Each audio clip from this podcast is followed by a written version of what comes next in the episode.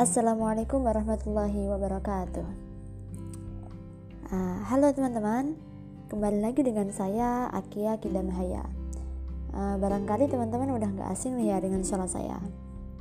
Setelah kita membahas tentang Islamisasi di Ponorogo, kali ini saya akan membahas tentang uh, profil uh, sosok yang memotivasi saya, sosok yang menginspirasi bagi saya sebelumnya pasti teman-teman udah pernah uh, pasti teman-teman punya inspirasi seorang motivator entah itu dari kalangan artis barangkali seperti Syakir Daulay atau ya siapa itu B.J. Habibie barangkali nah, tapi kali ini saya inspirasi saya saya terinspirasi oleh uh, Dr. Aisyah Dahlan. Nah, untuk selengkapnya langsung saja simak ya. Semenjak bulan Maret tahun 2020 silam, ketika gemparnya kasus COVID-19 di Indonesia, mengalihkan hampir semua aktivitas dilakoni secara daring. Entah itu kuliah, entah kerja, itu semuanya yang mulanya luring berubah menjadi daring atau tatap muka secara online tapi. Dampaknya, intensitas manusia menggunakan gawai atau laptop lebih banyak dari hari-hari sebelumnya. Sebagai mahasiswa, hal serupa juga saya alami. Sebab mengerjakan tugas sampai rapat organisasi pun harus online. Di sela-sela kegiatan tersebut, memutar lagu adalah hiburan tersendiri, ya nggak sih? Entah itu lewat platform Spotify ataupun YouTube sama aja. Saat menentukan playlist yang akan saya dengarkan, di beranda YouTube saya muncul nih kontennya Dr. Aisyah Dahlan. Nah, dari situ saya awal mula saya mengenal beliau. Dr. Aisyah Dahlan ini ialah wanita kelahiran Jakarta 17 Desember tahun 1968 Beliau mempunyai nama lengkap Siti Aisyah Dahlan Hussein, akrab dipanggil dengan Dr. Aisyah. Dari panggilannya terlihat bahwasanya beliau seorang dokter. Beliau ini lulusan dari Fakultas Kedokteran Universitas Hasanuddin Makassar. Ini adalah tempat studi pertama yang menjadi rekam jejak beliau mengenal dunia farmasi. Pendidikan dilanjut ke program profesi yakni di Fakultas Kedokteran Universitas Gajah Mada Yogyakarta. Satu dari beberapa prestasi dokter Aisyah, khususnya di bidang kedokteran, adalah pernah menjabat sebagai kepala unit narkoba di Rumah Sakit Harum Jakarta. Menjadi lulusan Fakultas Kedokteran, Dokter Aisyah sempat bercita-cita untuk menjadi dokter anak. Namun hal tersebut harus ia kesampingkan karena di waktu bersamaan sekitar tahun 1997 Indonesia tengah dilanda darurat narkoba.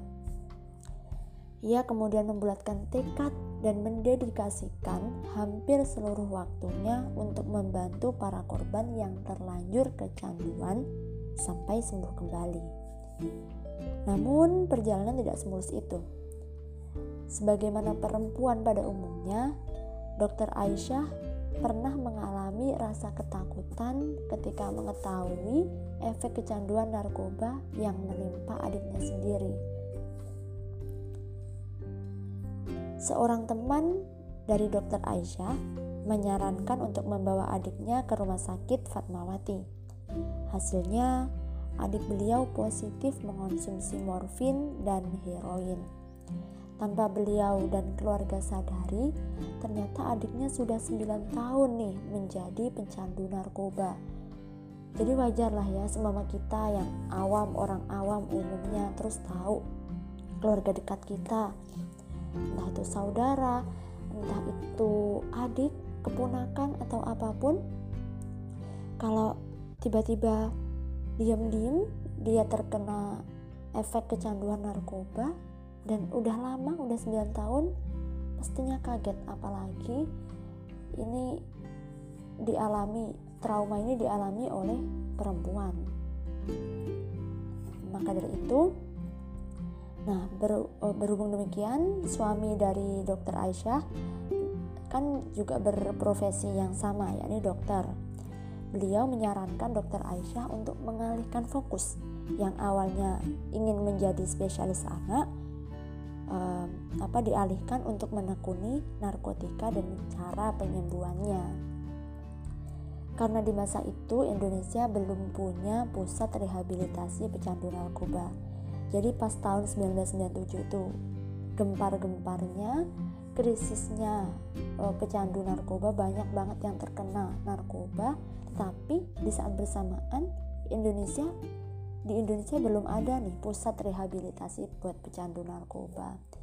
Jadi um, suami dari dokter Aisyah itu menyarankan beliau untuk mengalihkan fokus tadi.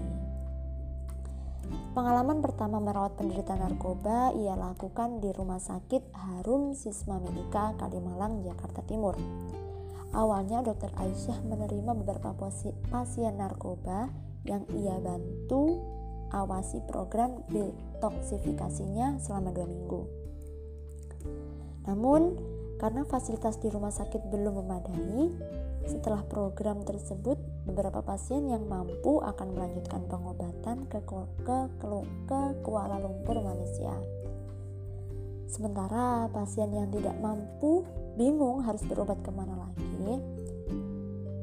Dari situlah dokter Aisyah membuat program rawat jalan sendiri dari sana pula, program, terse program tersebut terus berkembang dan orang yang ikut rehabilitasi semakin banyak sampai akhirnya cukup besar untuk menjadi sebuah yayasan bernama Sahabat Rekan Sebaya atau SRS. Satu tahun belakangan ini, beliau juga mulai aktif membuat konten di channel YouTube miliknya. Bahasanya di dalamnya tuh juga beragam, nggak melulu tentang apa sih uh, apa tentang bagaimana caranya uh, mengatasi pecandu narkoba? Gitu enggak. Malah malah hal itu enggak dibahas nih ya di kontennya beliau. Tetapi bahasannya itu bahasan dari kontennya tidak jauh seputar cara mempelajari atau mengenal personality dari diri sendiri ataupun orang lain. Lagi ada parent talk dan tips untuk self healing jadi sistemnya itu yang apa ya konsepannya di channel YouTube Dokter Aisyah ini lebih ke self healing lebih ke personality e, cara apa mempelajari personality seseorang gitu meskipun viewersnya belum mencapai jutaan namun, apa yang beliau unggah adalah sesuatu yang sangat mengedukasi. Terlihat dari komentar yang dilontarkan penonton setianya itu menjadi bukti bahwasanya beliau adalah wanita yang menginspirasi banyak orang, termasuk saya. Oke, mungkin itu saja yang bisa saya sampaikan teman-teman. Uh, apalagi uh, apabila uh, kita akan bertemu di lain kesempatan. Oke. Terima kasih atas perhatiannya. Mohon maaf apabila ada salah kata atau kalimat yang kurang berkenan. Uh, akhir kata, wassalamualaikum warahmatullahi wabarakatuh.